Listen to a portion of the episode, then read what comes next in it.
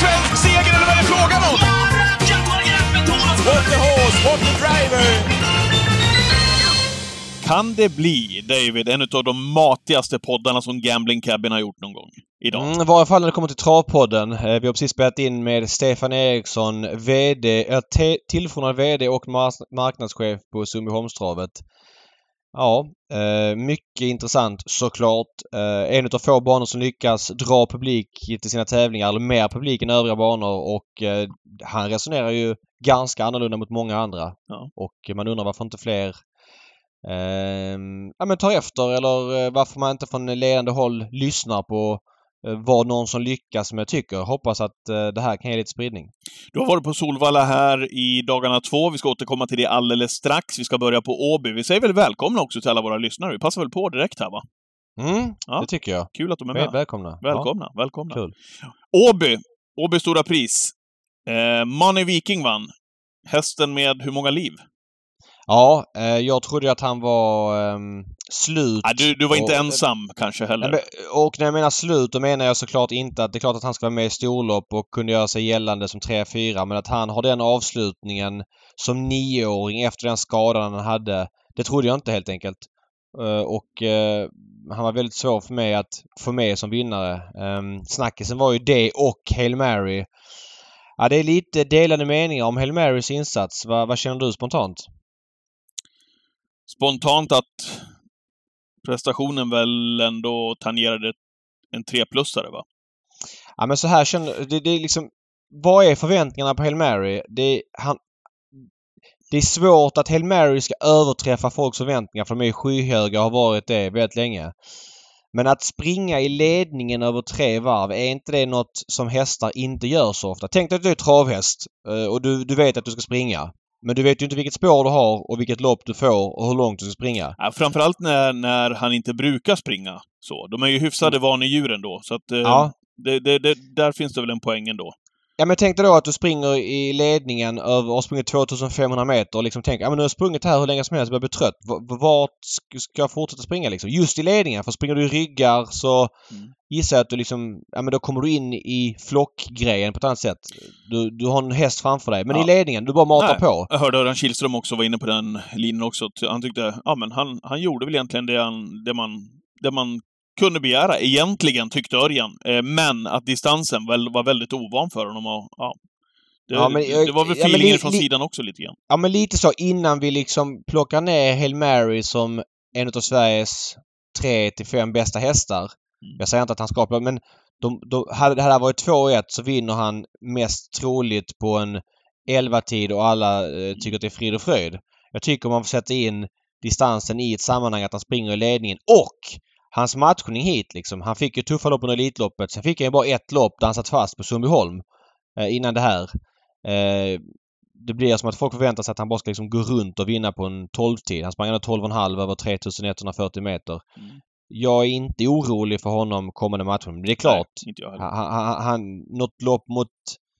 Ja men vi, lite kaxig hade inte varit ett fel men det där har. Redén koll på och jag är helt säker på att han dyker upp här ganska snart. Ja, ja. Inte ett dugg orolig heller för, för Hail Mary. Däremot eh, något extra ord om Manne Viking. Kan travet bli vackrare än poesin i, i lördags ändå på något vis, David? När Björn får vinna med Manne Viking som kommer tillbaka. Gör det då på pappa Olles födelsedag dessutom. Mm. Nej, jag, jag har varit eh, berörd här hemma när man satt och följde eh, Björns intervju där på banan också. Eh, det var häftigt eh, att han fick vinna det där loppet och vilken, vilken känslostorm det måste ha varit för Björn också. Ja, så var det också och eh, det, det adderade en dimension, en jättedimension till, till den här segern.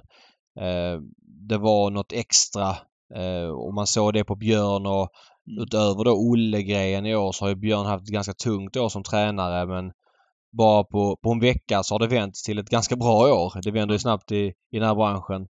Eh, och Moni Viking som äh, vilken djävulsk häst det är liksom. Att han vid nio års ålder har det här i sig fortfarande. Snackar man bara stairkung. ja, avslutningen alltså, den är... Ja, den är helt brutal. ja, men den är som den var förr. Så som vi, Mm. så som vi såg Money Viking när han, när han var i sitt absoluta toppslag. Ja, riktigt kul att se.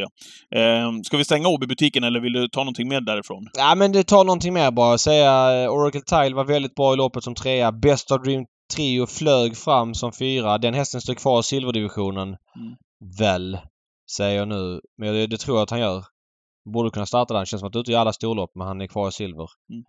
Eh, där bakom Kennedy sådär. Det fanns lite förväntningar på honom. I övrigt lite Ja. förväntade prestationer i det loppet. Ja, nej, men det är bra. Eh, Solvalla har ju annars varit... eh, Jaha, du, du vill inte säga något annat Nej, om övriga lopp? Det var finaler. Okej, men vad vill du säga då? Ja, jag säger bara lite kort. Eh, Soar Wind var den jag trodde minst på under hela omgången. Mhm. Eh, att den fick vinna var chockerande för mig. Att han var 8% kändes grovt överspelat. Inte för mig. Charlie Gul- Brown gul. Gul pilot. Ja, nej du, du gillar ju det. Vad säger du om Charlie Brown F? Ja. Var det inte märkligt efter ett par hundra meter? Jeppson har ju läge att gå ner i andra spår.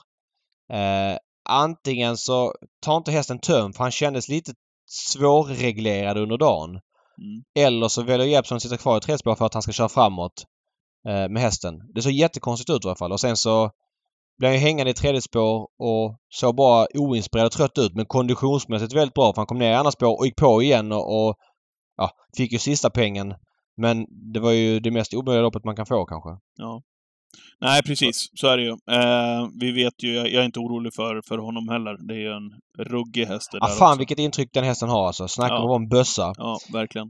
Faesa sett 12 och 1 med voltstart. Det var ju en tiondel från Sam Samits svenska rekord. Ja, faktiskt. Jäklar vad hon har lyft sig. Ganska svårt att ta 20 meter på en sån häst va? Ja, de fick jobba. Det var väl... Var det, inte, det var starttestarna som var 1 till 5 tror jag, eller 1 till 4 i alla fall, var det ju starttestar eh, som stod Sa. Sanella sprang 12 och 7, 2-1 volt och fick inte pengar. Nej, Det är tuffa bud. det är tuffa bud. Eh, Parveny brändes som favorit i loppet där Wish Me Magic vann. Vad har du någonting att säga där? Ja, kul för Hanna Läderkorp. Jag tyckte att Wish, Wish Me Magic var bra när han... Eh, Du, gick, du hade någon som idé i vår Twitch-sändning när han vann som skräll Ja, det, ja, precis. Någon startade innan. Det var på Kalmar, va? Mm. Eh, mm. då var ju inte loppet lika tufft som det var den här gången. Eh, men snyggt av Hanna att hålla hästen i, det- i det där skicket. Eh, Mm. Verkligen. Inspiration också bra. Fick vi bra rapport från Jocke innan. Var ju inte speciellt hårt spelad. Spurtade in Nej. som tvåa före Parveny då. Ja, Parveny var helt okej. Mm. eh, får man ändå säga. Det är, han är en kraftig utveckling. Att han springer 12 och 1 full väg går inte att dissa. Run and Cola vann klass 2-finalen. Vad var det för intryck? Ja, verkligen. Ja, men 12 och 1 full väg, eh, bara jogga ifrån dem. Ja. Vann helt överlägset. Ja, han är bra den där faktiskt. Det får man säga. De testar derbykval med den Mm. nu. Jag snackar om utveckling. Ja, måste, måste V75. ändå ta hemma det så. Jag var ju skeptisk till att han skulle hålla sista 250 när det var full väg den här gången. Det vill bara lyfta på hatten även om det blev knallhårt mot Gunnar, som fick det där loppet vi trodde när vi pratade i Twitchen här i lördags. Eller vi trodde, som alla trodde. Eh, men att han, var, att han skulle vara med på fotot Gunnar eh, i det där loppet. Och som vi nästan var inne på också då, att Unico Broline skulle få jobba och att det är inte så enkelt i en silverdivisionsfinal när banan är självspringande. För då sitter de där framme och har krutet torrt oftast vid upploppets början. Det hade ju Gunnar framför allt, men starkt av det så tycker jag hålla undan över full väg. Skeptisk till det innan. Han vann faktiskt på 11 och 1. Ja, eh, när de har den här formtoppen då spelar distanserna mindre roll. Jag, jag hade ingen känsla för ADSO på förmiddagen men den växte under dagen. Jag hörde Peter Untersteiner vara väldigt optimistisk i intervjun i ATG Live och Mm. det kändes liksom mer och mer som att oj, han, kan, han kanske har sån formtopp att det inte spelar någon roll. Nej. Eh, Unico Broline, Erik var ganska nöjd med hästen. Det var inte det här max max men fortfarande så springer han 11 och 4 och är ute i spåren.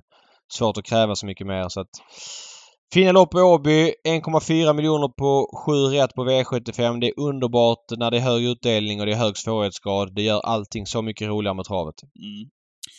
Ja, då vänder vi väl ändå till Solvalla och det sportsliga där eh, till att börja med David. Vad var det vi fick se under onsdagskvällen? Ska du börja sätta ord på det där som ändå var på plats? Eh, vad känner du kring Sandmotör? Ja, men det är klart att det här var något eh, exceptionellt i, i insatsväg. Jag brukar ju alltid ha Bold Eagles försöksseger som någon form av måttstock för var toppen är i min bok i varje fall. Vi kan väl ha kvar den där känner jag. Ja, nej men så här är det. För att, för att du ska kunna liksom nå den nivån då måste du möta de bästa hästarna som han gjorde. Göra allting själv. Här blev det ju... Samotör kan inte göra mer. Han är fantastisk. Han springer 9 och 7. Det känns som att han joggar sista biten. Men för att han ska liksom kunna nå det pinnhålet då måste motståndarna också bjuda upp till dans. Och de körde det... Det var mer att de körde lite i halsen på honom än att de liksom gjorde det svårt för honom. Det gick väldigt fort. Per Nordström Dels gick det fort första fem. Eh, sju fick Mr Hercules pröjsa för att ta sig till ledningen efter att eh, de hade släppt i varandra där. Först Mm. Hipster Am och sen så Global Badman och sen Mr Hercules. Inga konstigheter so far. Sen kommer ju Per Nordström efter, ja vad blir det, 800 meter och jag vet inte om han ser att Mr Hercules travar dåligt i, i kurvan där att han ska kuppa sig till spets. Det var ju inte ens nära. Eh, men det gjorde ju nog att Mr Hercules tappade någon placering till slut när det gick nio på varvet. Björn körde fram i helt rätt läge och sen så såklart att han gjorde jobbet sista varvet. Ja, vilket jävla intryck. Han springer ju ändå samma tid, liksom hela varvet. Eller hela, tid, Ja, hela loppet nej. igenom i stort sett. Ja. Samma tid liksom från start till mål, även om han fick eh, vila i rygg när de körde lite grann där från spets. Men, eh, för spets, men eh, intrycksmässigt. Sällan man ser det där alltså, när Björn sitter med... Alltså trycket, 350 kvar. Mm. Älskade den inzoomningen förresten, David. Eh, Ja. Just där och då, helt rätt. Alltså när man ser Kihlström jobba det som går, rycker varenda överväxel på Mr. Helkers 300 kvar för att om möjligt vara med, kunna vara med i matchen. Och Björn bara med bakvänt spö och på San Motör som bara suger tag i bettet. Ja, men det, det ser vi sällan alltså. Nej, så är det. Eller vi ser det väl Och, aldrig. eh, nu är vi ju... Nu har han ju bockat av unghäståren, Samotör. Nu finns det ju inga årgångslopp kvar. Eh, och han har ju matchats lite försiktigt. Vad tror du vi får se honom eh, framöver? Vad är, Oj. Det sägs ju att de är inbjudna till VM-loppet på Yonkers. Eh, det vore ju kul ur svenskt perspektiv om man fick vinna det med de pengarna som är där. Men det är klart, Arvidsson känns väl också skönt försiktig general. Det känns inte som att han kastar i, kastar över i San Motör. Spontant alltså. Det kanske ligger i deras planer, i deras kalender. Ja, men jag lät att de, var- läste att de var lockade av eh, VM-loppet på Yonkers. Ja, okej. Det är ju resan som är tuff. Själva loppet jag där springer på å- 800 meters bana tre varv. Det har jag, tror inte han har några problem med. Nej, motståndsmässigt så, så är det inga problem. Men jag menar sen måste det väl vara Prix. Jag kan inte tänka mig något annat. Alltså vad... Det skulle vara om man tar ett eventuellt USA-äventyr dåligt men Prix måste ju vara målet för honom. Han är 60 år nästa år. Eh, även om han är lugnt tagen så är det... Ja men så då ska man vänta att han är sju år då liksom? Nej, nej, nej men för- det, det, det tror jag också. Det, det tror jag ligger mer i, i, i, i linje att han, att han går på Prix d'Amérique. Ja, det är klart. Vill man chansa på ett USA-äventyr eller riska, men det är oktober, riska med det- det också. Det kan ju hända en del också på ett sånt äventyr. Så att, finns ju, finns ju lite tid däremellan men det är klart man helst... Sportsligt vill man ju se dem i Frankrike. Det är där de bästa hästarna är. Det är där den bästa sporten är tillsammans med Sverige och det är där man vill sedan mäta sig med deras bästa hästar. Jag blir mycket mer glad som svensk om han vinner liksom... Eh, ja men vinner något B-lopp eller eh, något sånt och, eller Prix Tenor de Born mm. än att han vinner VM-loppet. Det kittlar mycket högre för mig. Sen fattar jag ekonomiskt för deras skull med VM-loppet och sådär. Så, Mm, att, nej, mm, men det, det är Nej. delikata problem och... Menar hur bra är han nu liksom? Ja, var det inte skönt för Calgary Games att stå där hemma på Ekerö och, och, Ja, men- och, och, krafsa i, i, i halmet eller spånet och käka lite hö? Och titta på San det- Motör. det Det, måste vara var skönt för Calgary Games. Det är klart att inte han haft någon chans i det skicket Calgary Games är i nu. Så är det. Nej. Eh, Det var därför Timo Nummers tog över också för att han kände att inte hästen var där. Mm. Eh, Det kan ju vara så att eh, Calgary Games när han kommer tillbaka att han inte, att Samotör har gått om honom under den här perioden. Det är ju fullt rimligt att tro det liksom. Mm. Vi får se. Han har ändå betäckt 300 ston. Det, det känns som att att betäcka 300 ston inte förbättrar en häst i alla fall. Det är min eh, högst killig, killiga gissning. Och, och det var väl så att man satte igång honom här för att man ville testa mot Ja, såklart. Och nu är frågan vart vi får se honom. Ja, eh, precis. Mm. Jaha, har vi inte spelat in sen listan kom? Har vi inte på Nej, nej, nej. Jag fick ju en, eh, fick ett sms där eh, av dig. Vi har inte, vi har Ja. inte spelat in sen dess, nej. Nej, nej. Nej, det var ju inte oväntat att han inte var med. Vi har ju varit inne på det ju att det kändes ju... Det var ju något barnjobb för mycket för att man ska känna att Timo var helt nöjd. Och när han såg Samotör springa 10,5 där i Victor Tillys lopp så kände han nog att "Ah, jag får inte min häst i, det skicket som krävs. Och då, då var det väl helt rätt att, menar en obesegrad häst som sådär, det fanns väl ingen anledning att gå ut här i så fall. Nej. Men det är tråkigt för loppets skull. Mm. Eh, Och, och det är ett problem för travet om det här är hållet man ska gå. Att, att aven... Det är klart att aven är jättestora pengar men om de inte ska tävla men han har gjort nio starter är det allt vi får se av honom. Om han nu inte... Om Timo känner att nej, jag, jag, jag känner inte vad jag kände innan i honom i jobben. Nej. Och då finns det ingen anledning att tävla vidare med honom. Nej. Eh, ska han då lägga skorna på, på hyllan efter nio starter? Det känns ju som ett misslyckande för travet i sig tycker jag. Eh, det är ju inte den vägen vi behöver vandra om vi ska göra det här mer folkligt. Liksom. Det är fler hästar som vet vem Harry Hater är än, än Calgary Games. Och ja, Calgary Games är, var 100 meter bättre. Så att, ja. Eh, eh, vad gäller jubileumspokalen i övrigt då, nu när vi inte fick Calgary Games, så fick vi ändå några riktigt bra prestationer där bakom. Det är klart, de hamnar ju i skuggan med all rätt bakom San Motör. Eh, Global Badman hade väl du ändå placerat i ett fack som tidig. Eh, och inte bara du kanske, David? Nej, och Eh, jag ändrar mig efter. Jag, ja, jag var så imponerad av Wäjersten hur han lyckas få dem i, i skick till det här guldloppet som femåring. Tagit det lugnt som fyraåring. Men nu, alltså Wäjersten framstår ju mer och mer som ett... Eh, ja men som en super... Alltså, Ja, men så är det. det, det blir mycket superlativ men han gör ju allt rätt. Alltså han kör helt rätt. Han kör till spets, släpper till Örjan. Eh, Örjans häst är lite framåt. Det blir helt rätt för honom. Han får luckan. Han spurtar in som tvåa. Kör in för 750 000 med Global Badman. Det, det är liksom så fulländat vasst. Från tränarjobb, från matchning, från hur han kör loppet liksom. Hade jag varit ägare till Global Badman så hade jag liksom eh, ja, men, köpt en ny häst och satt hos Sverige direkt. Det är så jävla proffsigt gjort. Han får ett max av hästen liksom. Och menar, Global Badman nu, han måste ju vara en jättebra gulddivisionsshäst framöver menar, Ja, men med, med den här givetvis. insatsen. Ja. Och bara fem år gammal också, så han har ju några år kvar. Ja, och men eh, visst han, han vann ju långa E3 där men eftersom Westerson då tog hand om honom för att bara starta på som fyraåring så har det blivit rätt liksom.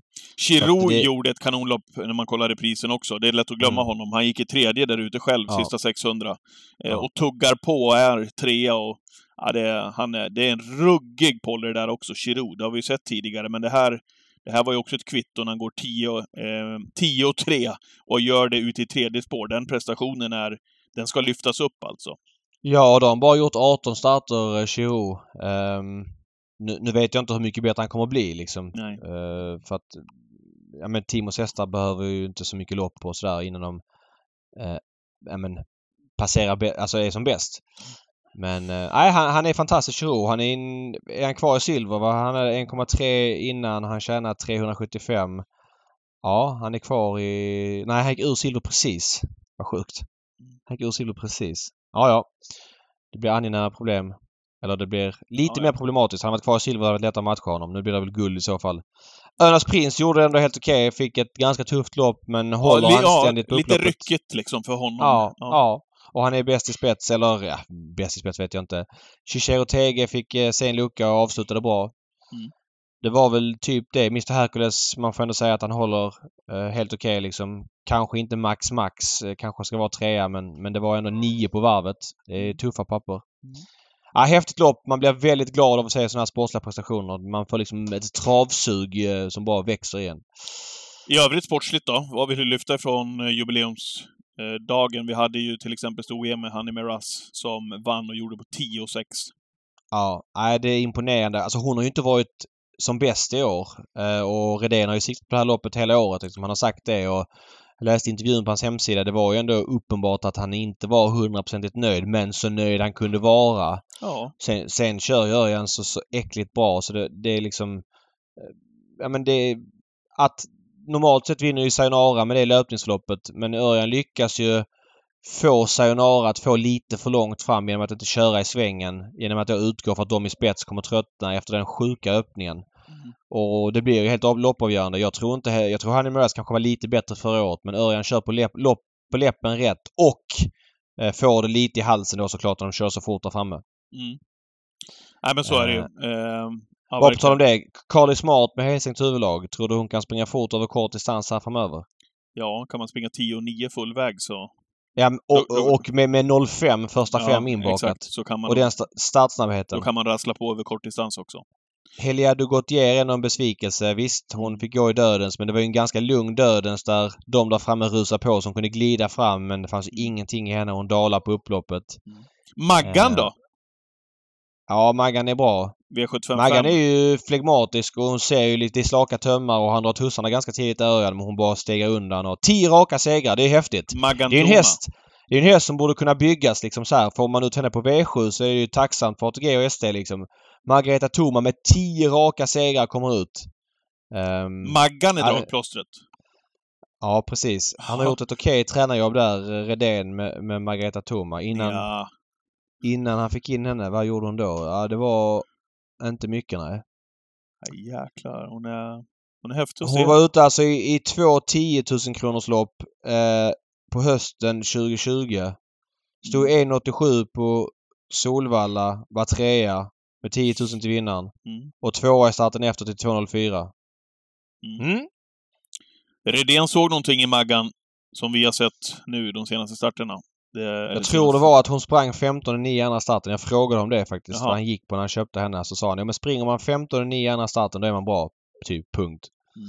Så att eh, ja, det, hon är vass. Även Bentley Gar var bra i loppet. Hon galopperar Ja, ju ja. men, men, och fick en tuffa... Och hon står ju lite tufft inne i den här klassen egentligen. Mm. Är i en lägre klass. Så att eh, de två kommer nog fortsätta köta på rätt bra. Ja. Du, eh, ö- i, övrigt övrigt- då? Big Noom-pokalen, en, en Ja. Var det tyst i kongressen när Davenport vann? Ja, jag hade faktiskt alla på alla mina lappar. Så jag jublade rätt bra. Det var jubel eh, vid ett bord. Ja, men väl- alltså det här Big Noon-pokalen, det ligger fel. Jag, Margret, det här låg ju i december månad tidigare Mm. eh, under Valeniusdagen. Men eh, Margareta Wilhelms Kleberg, eftersom det blev en saxdag så var det helt iskallt att liksom bygga upp ett tält och dra dit sin personal. Så det flyttades till jubileumspokalsdagen eh, igår och det har legat där nu några år. Eh, det, det ligger fel i, i, i liksom planeringen. Det är för mycket. Det är derbykval på tisdag. Du får inte med några fyraåringar som ska ut där och det är kriteriekval och man vill inte gå ut över 640 volt. Jag fattar att Big Noon-pokalen har tradition och så vidare men det måste flyttas i kalendern även om de har sin stordag idag. Den här dagen. Men det var det väl ett göra- bevis på att det var nio anmälda. Det, Ja, så tydligare så två- blir det inte. Nej, det är Två 300 000 strykningar på det. Men det är alltid tunt det här loppet. Det är, jag gillar propositionen men det ligger helt fel i kalendern. Ja. Tyvärr. Ja. Så att eh, ja, man, man måste tänka om där för att ja, det, det går inte att ha det här helt enkelt. Det blir för tunt varje år. Mm. Eh, nej men Ivanka Muk bra. Express Love bra. Två fina Nurmos-segrar. Eh, utöver det har vi nämnt allting. King Cole fortsätter vara en toppstayer. Apropå Wäjersten. Där, där, Ja, och ja. där blev jag lite förvånad att eh, Örjan släppte. Eller ha- han ville väl köra spets men kanske att Linderoth kom så pass fort. ja, jag blev inte Eh, förvånad. Eh, Nej okej. jag, ja, men, jag, jag, jag tycker också man har hört mellan raderna på Örjan att eh, Ja, men att det inte är liksom, att det inte är fem plus häst för klassen. Eh, tycker jag man varit ganska Nej, tydlig det är med. Han är, han är möjligt. 10 procent där. King Cole, jag tror inte han är så rolig att ha på utsidan heller. Jag hörde igår i, i referat på TV också att, ja, undrar om Örjan eh, ångrade sig att han släppte. Nej, det tror jag inte att han gjorde, för då hade han, då hade han kravlat i mål, tror jag. Och, och har fått King Cole på utsidan. Han- för han den, är- den fast- är ju fruktansvärd alltså. Så är det. Han satt fast eh, med krafter kvar, Ja. Versace Face. Men Versace Face är lite trög. Jag inbillar mig att han gynnas för att gå i spets. Och det var rycktussar igår. Så det fanns ju lite... Och när han väl kom till ledningen från spår 4 så kändes det som att nu testar Örjan där. Jag tror han ville köra i spets. Dessutom var King Cole lite löddrig och, och sådär så att man... Ah, jag fick känslan att han skulle testa spets. Nu ville han väl det men, men kanske att Linderoth var så pass bestämd och... Ja, och att Det det, kanske väl hade gått lite för fort. Alltså Ja, det King Cole okej. är urstark alltså. Ja, ja det är han verkligen. Och återigen, eh, vilket tränarjobb han har gjort, eh, Wäjersten, eh, där. Ja, där var Kul för. Linderoth också som eh, ska flytta ner till Stockholmsregionen och slå sig in lite som catchdriver. Jag gillar Linderoth för han kör offensivt och det blir tävling i loppen när han är med, när han har någonting att köra med. Mm. Jag tror det kan bli ett kul inslag på Valla i, i liksom den här kuskeliten som kör ganska tillrättalagt. Jävligt eh, duktig att köra också. Alla, alla Ja. sorters hästar måste jag säga. Nu kommer han nog inte få jättemycket styrningar eh, för det är tufft i konkurrensen men han behövs verkligen i, i den här mixen och röra om lite grann. Mm. Så att, eh, och kul att han får köra så här bra häst regelbundet. Eh, där var det lite otäckt att se Global Adventure i det där loppet. Tänkte du på honom? Eh, Erik körde på i tredje spår, eh, jag vet inte, 600-700 kvar någonting. Stannade, tvärstannade. Tappade travet och, och störde ju ganska så ordentligt IS Elisabeth som var där bakom. Sen tog Erik upp, för han, han såg ju att det var någonting som var riktigt tokigt med Global Adventure, så han tog upp 300 kvar och vände ut bakvägen och utgick ur loppet. Eh, Ja, nej, jag, jag såg inte det momentet för jag Nej. hade fått sju rätt med Ferrari Sisu och Viking Brodde. ja, då jag förstår jag att du hade fokus på, på annat, ja. Mm. Ferrari Sisu flög fram, eh, Mm. fick trafikproblem, flög fram som fyra. Får han en bättre resa så vinner han det i loppet men det är ju, så är det ju väldigt ofta. Så är det. Vi ska återkomma till, vi hade aktion där också. Eh, vi ska återkomma Ja, vi till det. det ja, Mm. efteråt. För då vill jag höra lite grann hur din upplevelse har varit totalt sett på kongressen i dagarna två. Aktion och jubileumspokalen. Och apropå publik, David, så har vi då, eh, ska vi nu ringa upp Stefan Eriksson, eller hur? Ja, och det är ju...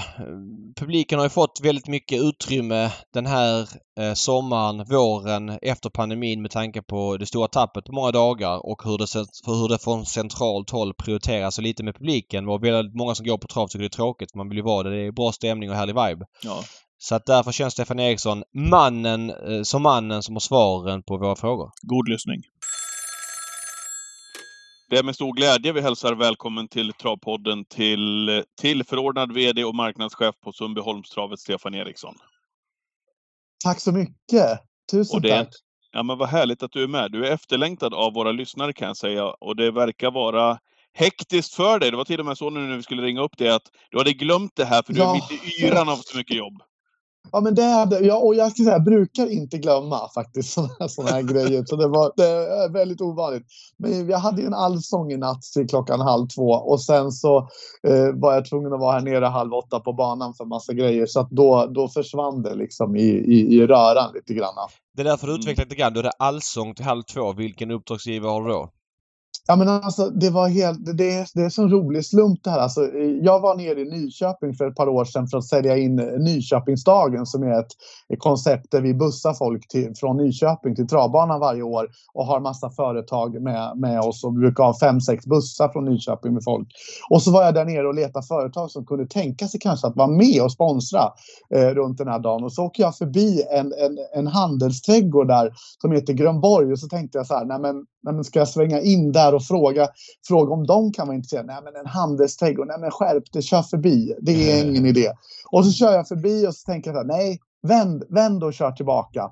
Och så av någon anledning så vände jag, körde tillbaka och så gick in och så kom jag in, in i butiken där och då är hon som äger den står där och säger, men, men gud, det är ju du!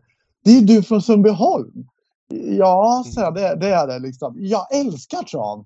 Det är det bästa jag vet liksom. Och, och, jag, och jag, åker, jag åker till Sundbyholm ofta och det här är ju inte klokt. Och kommer du till min butik? Och, och, och så du vet, det slutar ju med att hon börjar sponsra, eh, sponsra lopp. Och eh, sen börjar hon servera i kuskrummet och med bakverk och grejer. Och sen så då så sa jag åt henne, men gud, här har ju du en jättefin plats där du skulle kunna bygga en scen och du skulle kunna köra massa sommarevent här och grejer. Ja, så hon byggde en scen där och eh, tak på scenen och gjorde den liksom eh, ordning så att det skulle kunna vara massa event. Då. Eh, så att då hjälpte jag henne med två allsångskvällar förra sommaren och så hade vi en nu här eh, igår. Så att, eh, På- ja, Sundbyholm? Ja, nej inte på Sundbyholm, hos henne. Hos henne? hjälpte Okej. henne okej. igår, ja, på, i Nyköping. Och Hur, Exakt, hur mycket precis. folk var det där? Det var över 300 personer var det. Någonstans 320-330 personer var det. Var ni nöjda? Ja, men faktiskt, det är ganska litet ställe. Alltså det är ganska li liten trädgård eller baksida där. Så det var helt fullt där bakom faktiskt. Så det, var, det var jättekul. Det var Magnus Karlsson och så var det Babsan.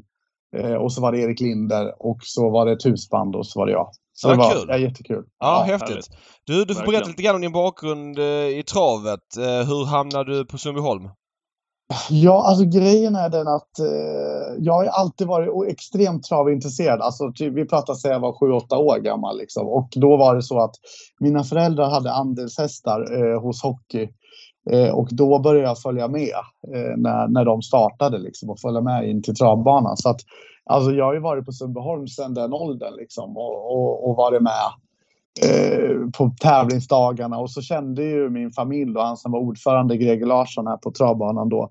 Eh, Så att jag började åka med honom på trav med och följde med på, på, så fort jag kunde. Liksom. Så, fort, så fort jag inte var tvungen att vara i skolan ungefär så, så var jag ju här. Och på den tiden var det ju söndagstrav på Sundbyholm så det passade ju ganska bra. Då, då. Så att det var väl så det började liksom allting. Och sen har jag, nu har jag ju varit här i över 20 år på, på banan. Ja, men Ja, det är helt sjukt alltså. Det är 20 år sedan nu, Stefan. Ja, eh, 20, ja, det, ja man, man känner sig lite väl gammal bara. Det är det som jag tycker är jobbigt. Men, men annars är det, ju, är det ju kul att det har varit så länge som 20 år. Men okej, så du har bara haft Sundbyholm som arbetsplats som vuxen? Ja, alltså jag började, jag hoppade på Uppsala universitet, började på Uppsala universitet och, och pluggade eh, där. Men, men eh, ganska snart där så kände jag ju att eh, det var ju det här travet liksom som, som lockade. Mm. Så då, då började jag här och eh, höll på med tips i travprogrammet och provloppsgrejer och sportgrejer och så. Och sen började jag ju liksom utveckla idéer ut Ja. med vägen. Liksom, att, ja, men ska man inte göra det här och kan vi inte starta det här? Och, och sen har ju resan bara rullat på. Liksom. Det, Hur, hur började det där, Stefan? Jag minns ju, om jag försöker dra mig till minnet, jag har förbannat dåligt minne, men jag kommer ihåg när vi var där och gjorde våra sändningar. Det kunde ju vara en, en tisdagkväll till exempel, en, en random tisdagkväll eh, utan någon märkvärdigt trav så hade du ju ofta någonting som du vill hitta på kring dina tävlingsdagar. Jag kommer ihåg till exempel, du får väl rätta mig om jag har fel här, men Fredrik Linder var typ mannekäng och ett gäng till där i början. Då får vi gå tillbaka ganska så många år, men Ja. redan där så ville du liksom göra någonting med tävlingsdagarna och med de aktiva, använda dem på annat sätt och så vidare. Hur skapades det där? Ja, men det, började nog, det började med damer och tjejer och sådär. Att jag kände liksom att, att det var så lite. Att vi, det var ju väldigt mansdominerat och så. Och tänkte så här, hur kan vi göra för att försöka få den målgruppen att bli attraherad för travsporten? Och då började vi med en satsning som hette Damernas dag. Som, som byggde på att det kom hit att damer hade fri entré. Det var rosutdelning i entrén. Det var liksom butiker som riktade sig till kvinnor. Det var kändisar som kom hit och körde ponnylopp och varje år så hade vi fem nya artister som var här och körde ponnylopp och sjöng. Och, alltså man satsade mot den målgruppen och utifrån det kom sen då även tjejkvällarna. Att, att, att börja bygga det med modevisning och, och att lyfta in kuskarna och att blanda trav ihop med något annat. Och så, så det var väl där någonstans liksom resan började. Och det började verkligen med att jag började fundera över det här. Hur kan vi få mer kvinnor till att bli intresserade av att gå på trav? Du, en fråga där, jag kommer komma in på det sen, men att två kvinnor går på trav. Eh, det är ju såklart eh, en utmaning och du har helt rätt i att det är ju såklart, ja men det är väl 95% män på trav. Nej det är det inte, inte, inte så mycket men det är eh, mer män. Men de här kvinnorna Mm. man anstränger sig väldigt mycket för att få. Eh, hur ofta kommer de tillbaks? Ja, men det kunde man faktiskt se då när vi började med väldigt mycket evenemang. Ett ganska tydligt mönster att många återvänder då på x antal evenemangskvällar. Och idag har jag, jag ju stamgäster som alltså går på varenda, har gått på varenda tjejkväll sedan vi startade eh, under alla de här åren. Och det som är roligt är att nu ringer ju de mig och bokar bord till V75. Det finns ju Okej. en hel del sådana Exakt. som eh, det är där du har Mm. lyckats extremt mycket tycker jag. För att man, känslan är att många banor kör så här temakväll, italiensk afton. Ja men det är skitbra. Och så kommer det eh, 300 pers extra och sen så till nästa gång så är det ingen som är kvar. Istället för att satsa på att höja liksom lägstanivån för publik så gör man utspridda öar som egentligen inte gynnar snittbesökaren eh, besökaren, utan det är ju konverteringen som du har lyckats få till som man måste få till. Ja, men jag tror att det är viktigt också att, liksom, att man hela tiden hittar, hittar rätta koncepterna och då, då gäller, det, gäller det väldigt mycket på att, att anpassa sig efter målgrupperna och, och försöka lägga det på rätt nivå. Som du säger, den italienska afton, är det jättebra att ha i restaurangen att man marknadsför den italienska afton. Men vad finns det mer där bakom? Hur tar vi hand om dem som kommer då till restaurangen? Finns det ett, ett, liksom, ett, tänkt program för gästerna där, där man har lite inslag under kvällen eller är det bara en italiensk buffé som står på bordet? Eh. Där tror jag liksom att man måste jobba med innehållet i det här konceptet. Inte bara att det är italiensk mat. Jag tror att det måste addera saker till det. Liksom. Ja, Och ett värdskap framförallt. Ja. Jätteviktigt Ja, värdskap. Där tror jag du är överlägsen i värdskapet. Eh, Just att folk känner sig eh, välkomna och hemma. Och Det är egentligen det som är essensen av varför du är här. Varför lyckas du dra publik i en tid när eh, publikfrågorna är hetare än någonsin och publiktappet Ja, jag ska inte säga att det är större än någonsin men det är ett tydligt tapp eh, efter pandemin. Det är travet och speedway i princip som har tappat publik medan övriga idrotter har fått tillbaks all sin publik. Det vill jag höra av dig. Ja, Kort fråga. Långt svar. ja, ja det, det är ingen lätt fråga att svara på. Men om du resonerar runt det. själv kanske, men, men, men jag tror att det är, om vi tar ett exempel som blev väldigt uppmärksammat då, det här lunchtravet när det blev så mycket folk nu för någon, ett par veckor sedan. Ja. Alltså, vad var det som gjorde den grejen? Alltså, då, då tror jag återigen att vi är där att man måste, man måste jobba med, stor, med, med många delar i ett koncept. Det räcker inte att ha en hoppborg stå i ett hörn och Nej. tro att, barna, att folk ska komma. Eller att du har en liten sak eh, som du går in för. Utan du måste tänka eh, hur kan vi eh, locka brett? Och i det här fallet var det ju då Bondens marknad med 16 stycken som sålde massa saker. Mm. Det, var, det var ju allt från frukt och grönsaker till eh, närproducerade grejer till fiskkött. Alltså att, och, och då räcker det inte att ha en utställare i ett hörn. Mitt mål var ju, var ju närmare 20 egentligen där. Och jag tror vi kom till 16-17 eller någonting. Va? Men alltså, jag hade varit kapitalt missnöjd. Det hade varit katastrof för mig om det hade varit fem. Va? För då blir det inte den grejen av det. Och, och likaså barnaktiviteter. Alltså det, det, ska vara, eh, det ska vara en radda. Det var ju vattenbassäng. Det är, liksom, det är då jag tror. Och sen Linda Bengtzing då uppe på det och så travtävlingarna. Och så, och på, på något sätt då så har man skapat en, en, en jäkla innehållsrik dag som då kan attrahera åt olika håll. Mm. Både de som vill komma och lyssna på Linda Bengtzing, vi har travtävlingarna och så har vi de som vill gå och handla på Bondens marknad och så har vi någonting för alla barn som gör att de tycker det är jättekul. Och så till det även djuren. Vi satsar jättemycket på olika djur och det här var ju en mängd, mängd saker som naturligtvis tar en otrolig tid att jobba in. Men, men det är då jag tror det kommer. Inte men, bara småskaligt. Nej, och det här är intressant. Har Sundbyholm mer resurser än andra banor? För att, att du har Linda Bengtzing på plats, du hade Sean Banan här för eh, några veckor sedan. Det är ändå artister som, ut, nu gissar jag, utgår från Stockholm, eh, tar säkert mer betalt ju längre bort de åker. Nu är ju Eskilstuna ganska nära Stockholm. Eller hur funkar den biten? För att det är väldigt få andra banor som lyckas Eh, det, det, det, är andra banor som lyckas men, men i, inte i samma utsträckning som ni har den här frekventa tätheten på den typen av artister.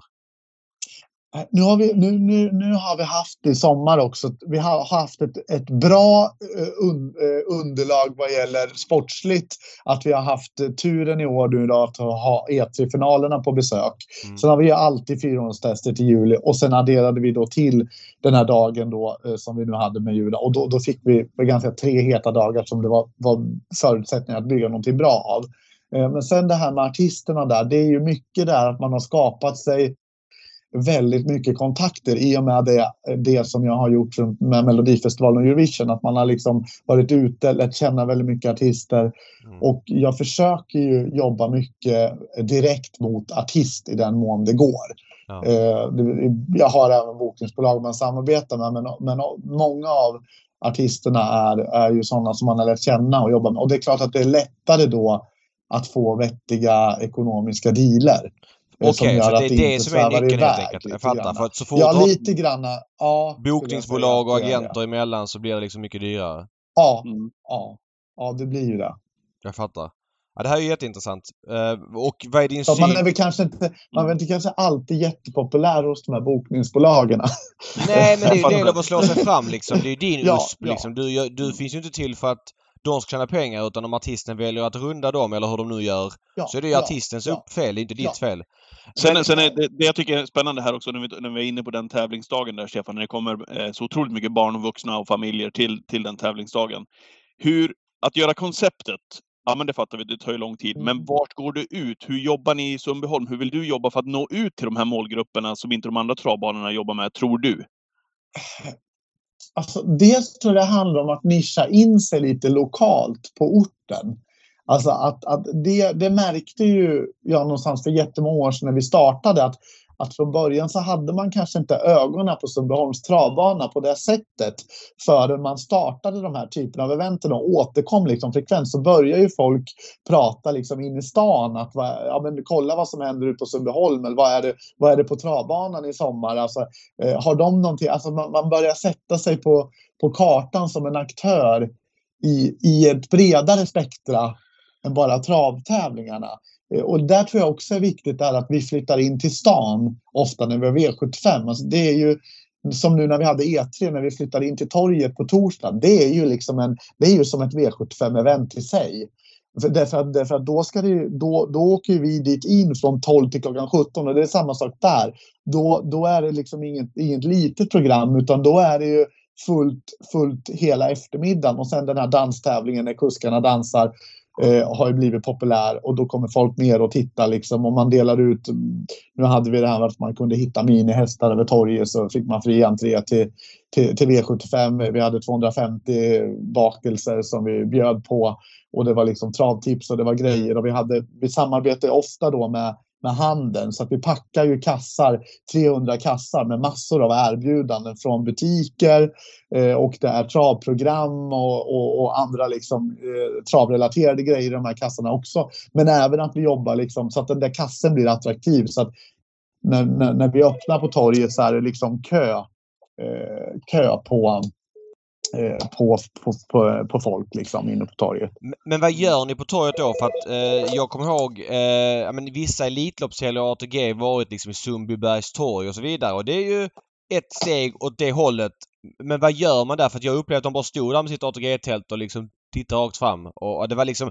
Jag fattar att det finns ett symbolvärde att många ser och ATG-tält i Elitloppshelg. Aha! Vad gör ni på det här torget eh, de här dagarna innan? Ja, men det vi gör är att vi försöker ju bygga upp som ett eventområde då på torget med en stor scen eh, och, och rama in det här med olika grejer. Vi brukar släppa in halmbalar och, och olika grejer och det är ponnyhästar och det, det, det, är liksom så att man, man verkligen känner att det är travet som är där. Mm. Eh, och, sen, och sen att man hela tiden då, syftet att vi är där på torsdagen är ju för att promota så att så många folk som möjligt ska få upp ögonen för att kom ut till travet fredag, lördag. För att det är trav, då händer det här och det här. Eh, och eh, även nu så har vi varit ganska eh, givmilda i sommar med, eh, med biljetter och sånt. För att jag känner att det är så otroligt viktigt nu att försöka få tillbaka publiken till banan. Så att eh, har nog valt den strategin att jag vet att en del andra banor är ganska hårda på det där med, med, med, eh, med eh, jag, jag, jag kan bara ta ett exempel. Solvalla eh, har ju lyckats höja andelen betalande på Elitloppshelgen väldigt mycket. Eh, det var ju mm. fribiljettssvärm för många år sedan. Men det har man mm. skurit ner på och alltså det är klart att det försvinner marginalbesökare men det får ju ställas mot att man tjänar ganska mycket mer pengar. Mm, absolut. Eh, men, men absolut. Du, du testar en annan strategi där just nu eh, eller? Nu, just ja. nu. Just nu har jag känt att i sommar har det varit viktigt nu att få folk tillbaka till banan eftersom vi har en kämpig resa nu att göra, att få tillbaka folk till banan så, så har jag känt att det har varit viktigt i sommar i de här koncepterna att, eh, att göra lite sådana kampanjer som vi då eh, på torget att man kunde hitta såna här minihästar och då, då kunde man komma in, eh, in eh, fritt de som hittade sådana hästar. Vi har även jobbat med en del av våra partners har vi också varit kanske mer generösa än vanligt med fribiljetter till dem så att de har kunnat, kunnat gått ut. ICA Maxi till exempel på den här Maxi-dagen så har vi har vi liksom inte bara att de bjuder in ett visst antal kunder men har även haft lite biljetter i butik och så vidare. Mm. För, att, för att verkligen känna att, att vi behöver ha tillbaka publiken. Sen är det väl en sak där också David, när du, när du är inne på Elitloppet. Där. Jag menar, att de tar betalt då, ja men fine. Det finns ju, ni kör ett gäng, eller Solvalla kör ett gäng övriga tävlingsdagar också där man kanske kunde jobba mer med den här frikostigheten som, som Stefan har på sina tävlingsbanor. Eh, tävlingsdagar tänker jag. Alltså att man tar betalt för Elitloppet. Jo, det, jo, det, det finns ju både och. Men lär man folk att det finns fribiljetter då klipper du bort den möjligheten att tjäna pengar på sikt. Liksom. Och, och jag säger inte ja. vad som är rätt och fel. Det är bara kul hur man resonerar jo, olika. Jo men, visst är, jo, men visst är det så. Visst är det så. Och det, det ska man ju komma ihåg att det är ju de här stordagarna som banorna har möjlighet faktiskt ja. att få in, få in lite pengar. Så att då, eh, och jag menar normalt sett när det är, när det, om, om vi tittar tillbaka i, i, tiden så är det naturligtvis så att även vi på V75-dagar försöker ju vara restriktiva med sådana saker. Men det här är ju mer liksom en, en insats som har skett nu, nu i, i och med att vi är i den tid vi är. Liksom. Eh, mm. Så. Ja, jag tror helt rätt tänkt alltså. Men helt, hur, helt, helt hur, hur ofta känner du, du går ju en del på trav, på annat trav också. Hur ofta känner du att oj vilket pissigt arrangemang det här var. Eller jag tar bort ordet pissigt och byter till dåligt. Så kan vi säga. Förlåt, jag var lite...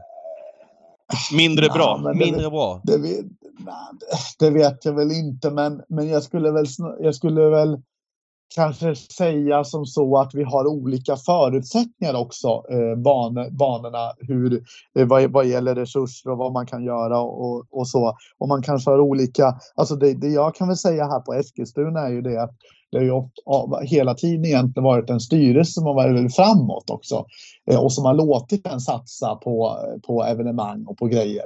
Så jag tror att många gånger så kan det ju handla om en helhet för banor, att det kanske inte är så lätt att göra de satsningar som man, man kanske skulle vilja alltid. Så, så att, eh, men det är väl klart att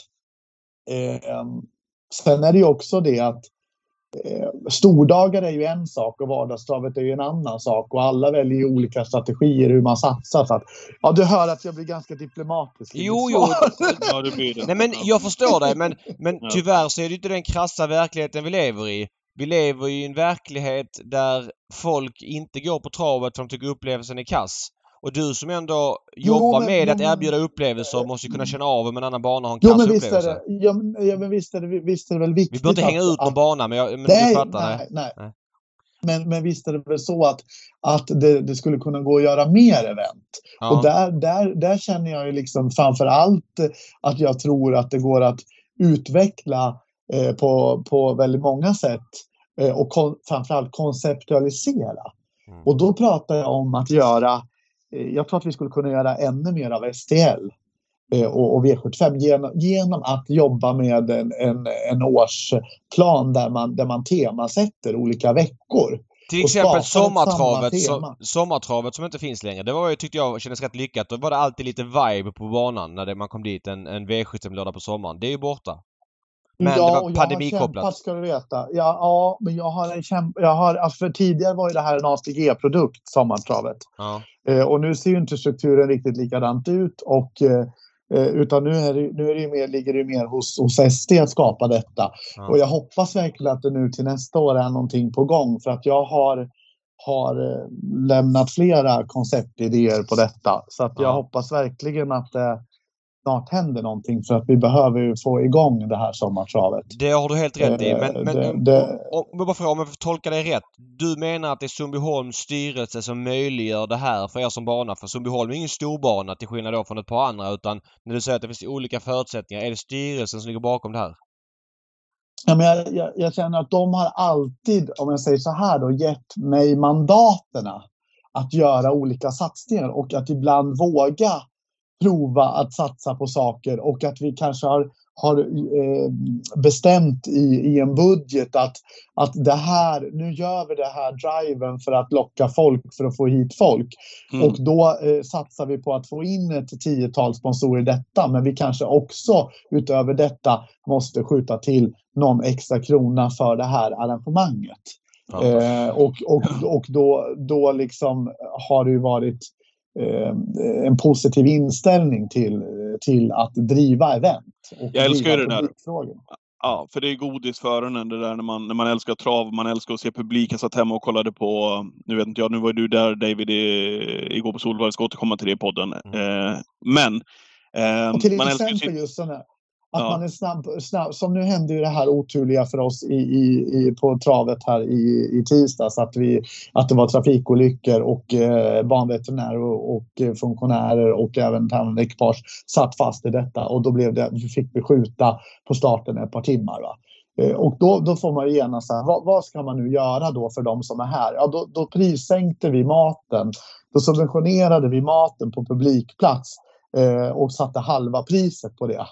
Mm. eh, för de som var där. Och sen så på stallbacken så tryckte vi upp eh, kuponger med kaffe och smörgås eh, som vi sprang upp med till inskrivningen och delade ut på backen till alltså de fick gå till eh, stallrestaurangen och eh, smörgås och kaffe.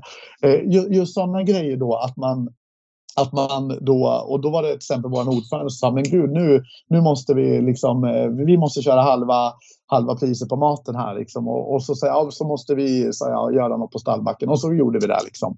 Mm. Men just sådana saker. Ja, det är ju otroligt snabbt Ja, uppfattat och, och väldigt ja, uppskattat tror jag många. Eh, det här med matens kvalitet överlag. Det är klart att det är svårt om du sitter i en restaurang och det är ett par hundra pers och folk ska ha mat hyfsat samtidigt att göra liksom det till jordens matupplevelse. Samtidigt tycker jag att den delen kan jag köpa hos travbanorna. Däremot har jag svårt de här hamburgarbanorna. Det är ganska lätt att göra en hamburgare som smakar helt okej. Men i många fall är det tyvärr ett grovt misslyckande på många banor. Man har liksom inte kompetent personal som kanske gör de här hamburgarna. Eh, ska det vara så svårt att göra en hamburgare? Nej, man tycker inte det. Men grejen är de här restaurangbitarna, alltså de är, de är, de är det, nej, en hamburgare i och för sig ska väl inte vara eh, så, så, så svårt. Men, men överhuvudtaget att få de här travrestaurangerna och få snurr på det. Speciellt nu tycker jag efter den här um, pandemin här. Jag ser ju bara, det är Sundbyholms slott som driver våra restauranger nu, just personalfrågan, att hitta personal Mm. till serviser och att det ska täckas upp på de här dagarna, att jaga folk och så vidare. Jag har ju själv varit involverad lite grann och försökt hjälpa till och hitta serviser och grejer och så till våra stora dagar och säkerställt att liksom de, de delarna ska fungera och så vidare. Och det har ju varit en jätteutmaning nu eh, att, få, att kunna få personal i restaurangbranschen. Ja, så är det. Och sen är det, och, sen är det också en utmaning att, att, em, att skapa eh, det rätta utbudet på en travbana som också där, pri, där det harmoniserar prismässigt med och, och att kvaliteten eh, levererar i förhållande till det pris man tar på, på, på Va- saker och ting. Varför är det svårt? Eh, det, ja, men det, det känns som att, att det är eh, som, som vi, vi då som nu då har en, en, en partner som driver restaurangen liksom och, och att kanske att travpubliken och att vara på en travbana och servera mat kanske inte är samma eh, som, att, som om, om det är en restaurang som också har ställen på an, andra, andra områden än bara en travbana så att säga. Att det blir en lite speciell, det, det är en speciell eh, man måste tänka lite speciellt då, och framförallt den typen av servering som sker på, på, en, på en travkväll är ju väldigt intensiv. Du måste ju ha, du måste, det, det händer under några timmar och då ska det vara full service. Det är, och det är inte så att vi vet innan alla gånger att det kommer 20 Nej. personer ikväll utan det kan komma liksom eh, 30 droppgäster eh, som man då måste vara förberedd för. Men det är det som är intressant. Det här är intressant för jag vet ju... Eh, nu ska jag säga... Droppgäst. Alltså förr stod ju på Valla Ingela som hon hette som hade hand om restaurangen på Valla. Mm. Det var ju alltid man Mm. kunde droppa in. Men den grejen har ju liksom försvunnit helt och hållet för att banorna inte... De säger att de inte kan budgetera med liksom antalet, de måste göra mat och så vidare. Men eh, är inte det en satsning man måste göra att kunna ta emot droppgäster? Man får göra en uppskattning såklart. Men du säger att ni satsar lite grann på det. Nej, jag, jag, jag snarare så här att jag, jag, jag diskuterar med våran, våran eh, restaurangpartner i den, i den frågan och det är ju inte alltid vi är överens i den frågan. Okej. Men, men jag, jag försöker ju få det till att vi måste ha marginaler för det. Ja. Eh, även, om, även om de då eh, räknar, eh, försöker ju räkna så ekonomiskt som möjligt och då blir det ju det här som du är inne på, att man inte vill stå med mat över och så vidare. Så, vidare. så där är det väl snarare en, en, en liten eh, kamp man för för att hitta, hitta, där man ska hitta en samsyn någonstans liksom på att ändå, ändå ska fungera så att säga. Fattar. En annan fråga. De här publikdagarna, typ där lunchtravsdagen. Får ni någon, något gehör från ATG att det kanske spelas lite mer på en sån dag än vad det gör en annan lunchdag? har ingen jättebra uppfattning i den där i, i speldelen kring, kring lunchtravet till vidare det skulle vara. Men in, inte så att jag har fått någon signal från ATG kring, kring det liksom. Nej. Nästa fråga på samma område som har varit väldigt debatterat. eh, Det är ju de här tuttoluckorna som eh, har försvunnit mer och mer och ATG tog beslutet att de ska vara borta från travbanorna 2023. Ni har ju valt att ha kvar luckorna så länge ni får, det vill säga 2022 ut. Hur har ni resonerat där? Ja, det var ju en av de första bollar här då när, när, när, när jag hamnade i den här TF-rollen som jag bara kände att det här måste vi, eh, vi, vi ha, ha kvar de här kassorna. För de var ju nämligen på väg eh, här, härifrån även här. Då. Men jag, jag, jag, jag lite grann eh, satte stopp där för att eh, det är långt mycket viktigare än många tror. Alltså det, det, ja, det, det, det, det, och det har jag sett tydliga bevis på här under sommaren. Alltså jag har haft så mycket, eh, så mycket telefonsamtal inför travdagarna som gäller då, dessa spelkassor så att jag tror inte att eh, jag, jag tror inte folk förstår riktigt hur stor, hur stor frågan är faktiskt. Ja, jag, Ehm, jag, jag har skrivit under på det till 100% och folk som lyssnar på den podden kan ju inte ha bommat att jag kan inte begripa hur man har stekt. Det är ju en del av servicen och upplevelsen och i travets publiktapp efter pandemin, en av få saker som hänt är ju att man har stekt totoluckorna på flera banor. Och det är så kul det där för att det är många som, som saknar luckorna och sådär. Sen kommer det en klick som säger att luckorna är inte framtiden. Nej, det förstår de flesta också att det inte är framtiden och allt handlar inte om luckorna. Men om man vänder på frågan, om det är en grej som en, säg att 20-30% vill ha luckorna. Då, då kan ju inte övriga säga, ja men skit i luckor för det är inte framtiden. Det är inte aktuellt utan vi satsar på det här och det här istället. för att det ska då dra publik. Jag menar det finns ju bevisligen en efterfrågan efter luckorna. Varför tar man bort en sak som folk vill ha när man går på trav? Jag fattar inte det. Det, och sen måste vi liksom titta lite grann krasst också. Hur ser, hur ser barnpubliken ut just nu? Där vi, där vi är nu. Vad, vad har vi för, för publik som kommer på vardagstrav? Eh, och vi vet att det ser lite annorlunda ut på storloppsdagarna. Då får vi en annan bredd och så vidare. Men det är ju här någonstans som, som vi rör oss i en kategori som också har väldigt svårt med, med eh, eh, mobilt spel och annat och så vidare. Och, jag tycker att det är i den servicedel också viktigt att, eh, att det, det, finns en möjlighet att spela i kassan eh, på, på banan. Hur, eh, hur kommer det här vara framöver? För nu försvinner de ju från 2023 vare sig ja, du vill vi, eller inte. Vi kom, vi, ja, vi kommer ju ha kvar... Eh, vi har ju just nu en kassa i restaurangen och en kassa nere i, i, i publikhallen och de kassorna kommer ju att vara kvar hela året. Sen har jag även haft en extra fotovagn nu under sommarperioden. Ja. Och den har jag väl fått från ATG i alla fall ett löfte om att den är i alla fall kvar till sista september i, i nuläget. Men jag håller väl på och försöker liksom, jag drar ut på det där. Ja men det här är intressant för visst är, Taktik att, att hålla kvar den här. Jag skulle ju helst vilja ha den där vagnen även över British Crown. Va? Ja, Så att jag, jag, jag, försöker, jag försöker förhala den där så länge jag kan. men här har vi en Eh, intressant grej ju för att eh, ett spelombud eh, kommer ju fortsätta finnas efter 2022 också, alltså ATG-ombud. Det vill säga man kan spela i- på ombuden men man kan inte spela på banorna i luckor eller fysisk form. Eh, kan, kan inte banorna bli ombud om du förstår vad jag menar? Kan inte banorna på egen hand runda det systemet? För att ATG verkar ju inte fatta det här och de kör ju sitt race i den här frågan. Men att SD inte sätter ner foten och säger att luckor är en del av servicen. Självklart inte luckor som det var förr och många luckor är gamla och man måste identifiera sig och lagen ser Mm. annorlunda ut. Men det fanns ju moderna Mm. luckor där man kunde blippa körkortet och få ett litet kvitto. Mm. Ja, ja. Ja. Så, så är inte det en grej att, att man kan ha ett ombud på banan, alltså som ett ATG-ombud? Eller det kanske är för stökigt att göra? Ah, Det är väl inte... Det är väl, det är väl definitivt någonting som är värt att, eh, att undersöka. Eh, sen är det väl lite grann hur, hur, hur ekonomin kan se ut runt en sån, eh, runt en sån grej. Men, men, eh, men däremot så, så um, kanske man fortsatt måste, måste försöka eh, diskutera med, med, med ATG. Jag vet inte.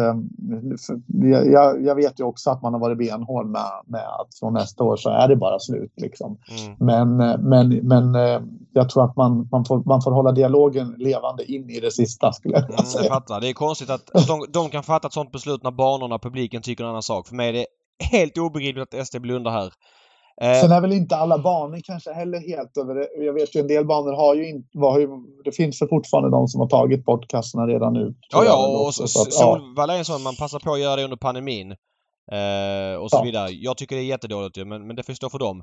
En fråga där lite på samma ämne. Publikregistrering har ju kommit här sista åren. Eh, SD vill ha en databas med sin publik, kunna kommunicera med dem själva.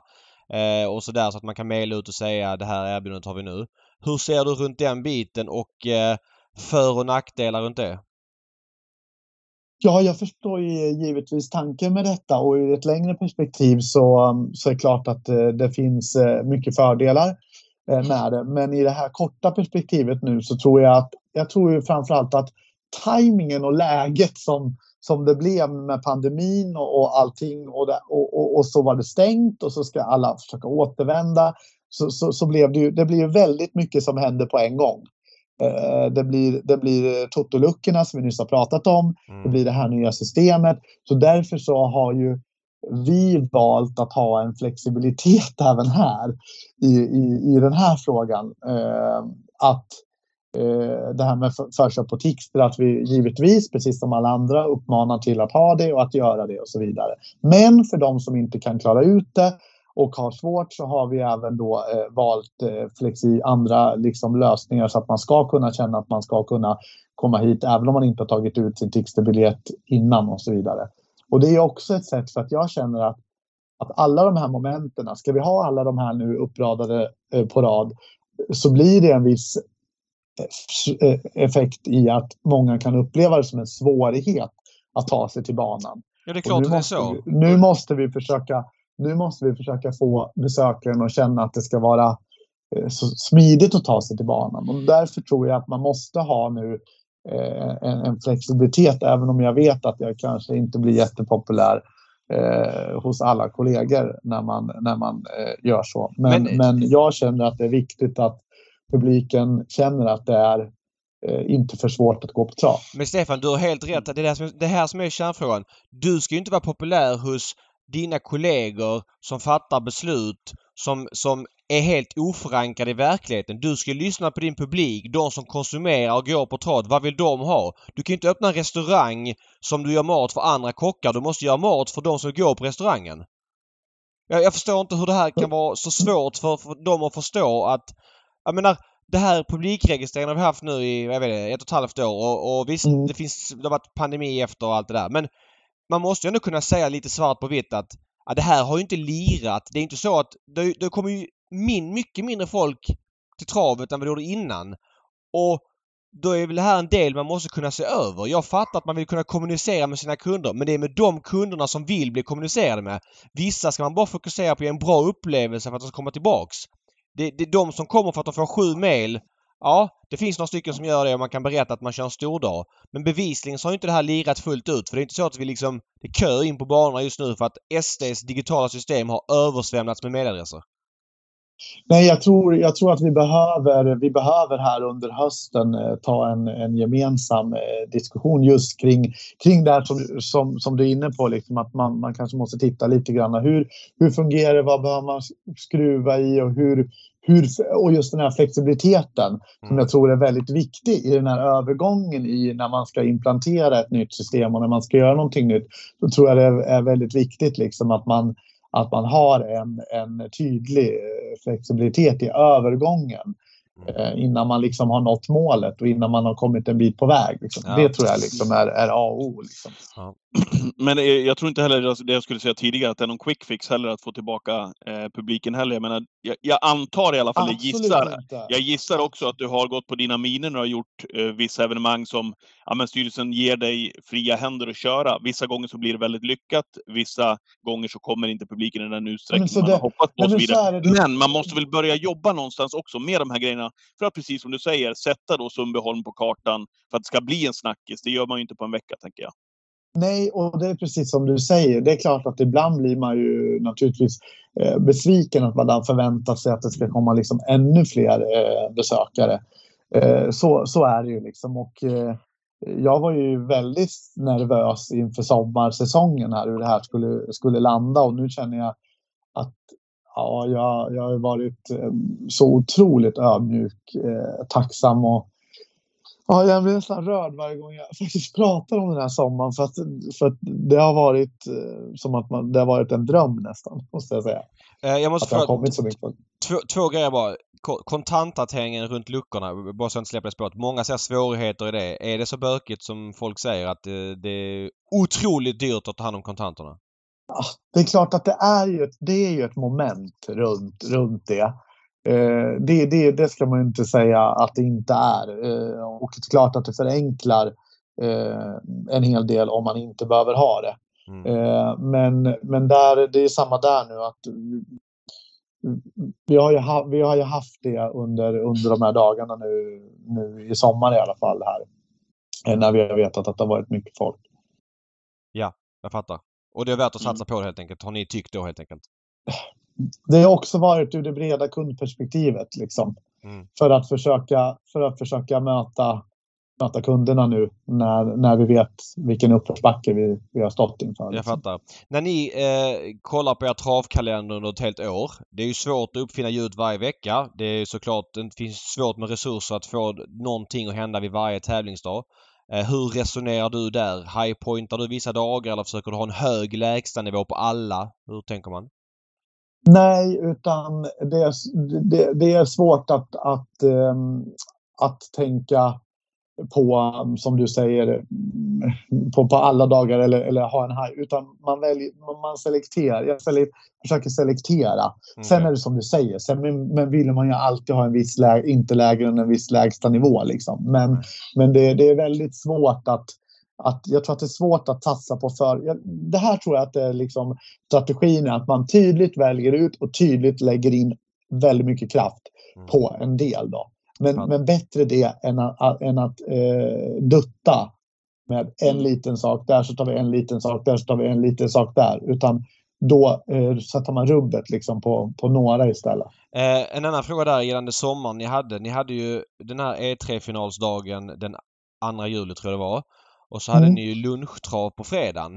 Eh, hur, hur, hur var det ert beslut att köra lunchtrav fredag med V65 och köra då, alltså att, att inte köra kvällstrav istället för att det är lättare att få ihop en helg med övernattning och allt det som är det roliga med travet liksom. Sammanhållningen jag folk man, man gillar när det blir dubbeltrav. Vi hade Stenby här för några veckor sedan. De vill inte ha dubbeltrav på Östersund längre och det är inte alls samma eh, omfattning på dubbeltravet som det var för flera år sedan och trippeltravet har det lite svårt också. Hur såg man på den grejen att lägga liksom det som lunchtrav och göra dagen svårare med övernattning? Det är ju, ett, är ju egentligen ett E3-beslut. Eh, att det är ju E3-serien som har ändrat sitt fredagskoncept eh, till ett lunchkoncept istället för ett kvällskoncept. Då.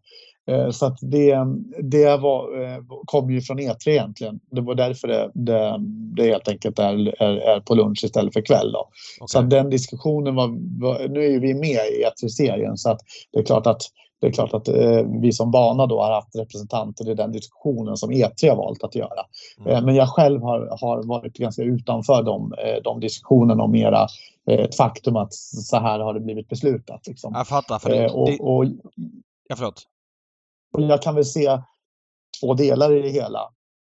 Eh, Det är helt rätt i att dubbeltrav är väldigt svårt nu för tiden att, att kunna maxa eh, vad gäller publik då två dagar. Varför är det? Eh, Alltså, alltså jag tror att fredagen hamnar, hamnar alltid på något sätt ändå i skuggan av, inre skuggan av lördagen. Och då gäller det i sådana fall att koppla på massor av, av andra aktiviteter eh, den, den fredagen. Så att jag, jag tror inte att det liksom är omöjligt.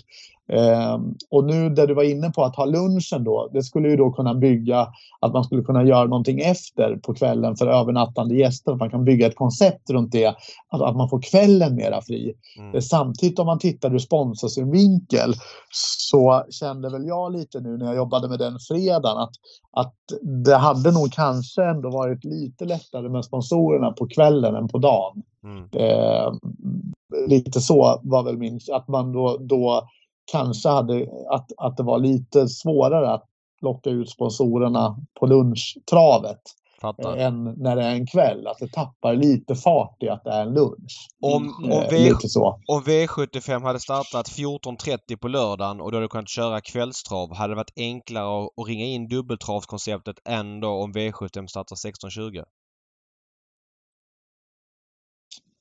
Eh, svår fråga faktiskt. Eh, Jag, jag tänker själv Mm. bara för egen del. Ska jag åka iväg Mm. på dubbeltrav Alltså jag ligger inte... Jag, inte, jag tycker inte 16-20 frågan är, är jätteavgörande. Men just det att åka på andra banor så är den lite bökig. För att, att vakna upp i en stad som du inte bor i. Det blir en väldigt lång startsträcka till dagen börjar.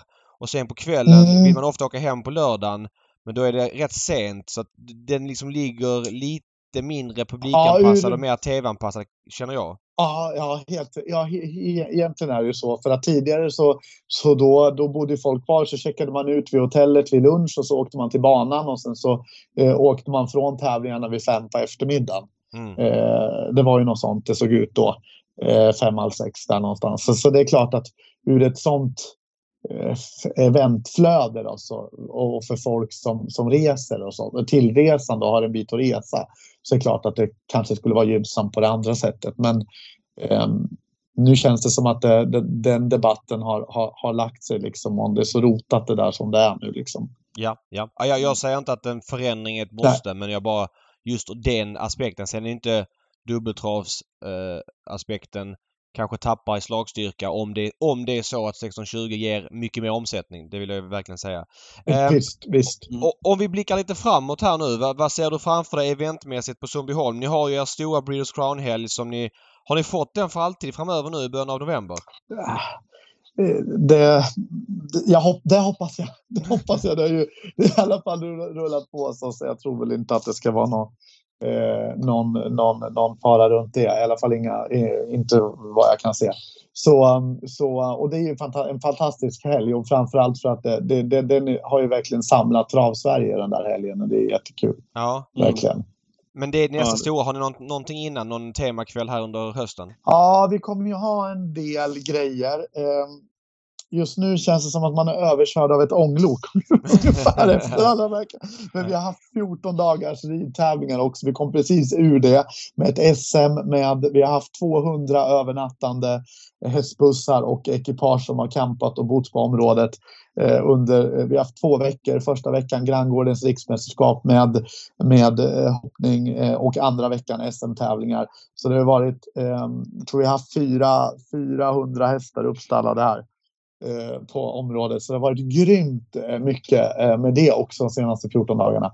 Ehm, så den här sommaren har ju varit hyperintensiv. Men, men för att svara på din fråga så har vi lite grejer som kommer. Vi har lite tema. Vi har, vi har en sponsor som, som är K-Rauta nu i början på september som satsar på, på en dag där och vi kommer att göra någonting tillsammans med tränarna och deras hästägare. Vi gjorde en drive för dem också nu i samband med Djurens dag där vi, där vi bjöd eh, bjöd x antal från varje stall på mat och så fick de bjuda med hästägarna till subventionerat pris. Vi kommer att göra den driven igen mot våra hemmatränare ja. eh, och försöka skapa ett område för deras hästägare där vi skapar ett program liksom och eh, försöker eh, stötta eh, de som är tränare här på banan.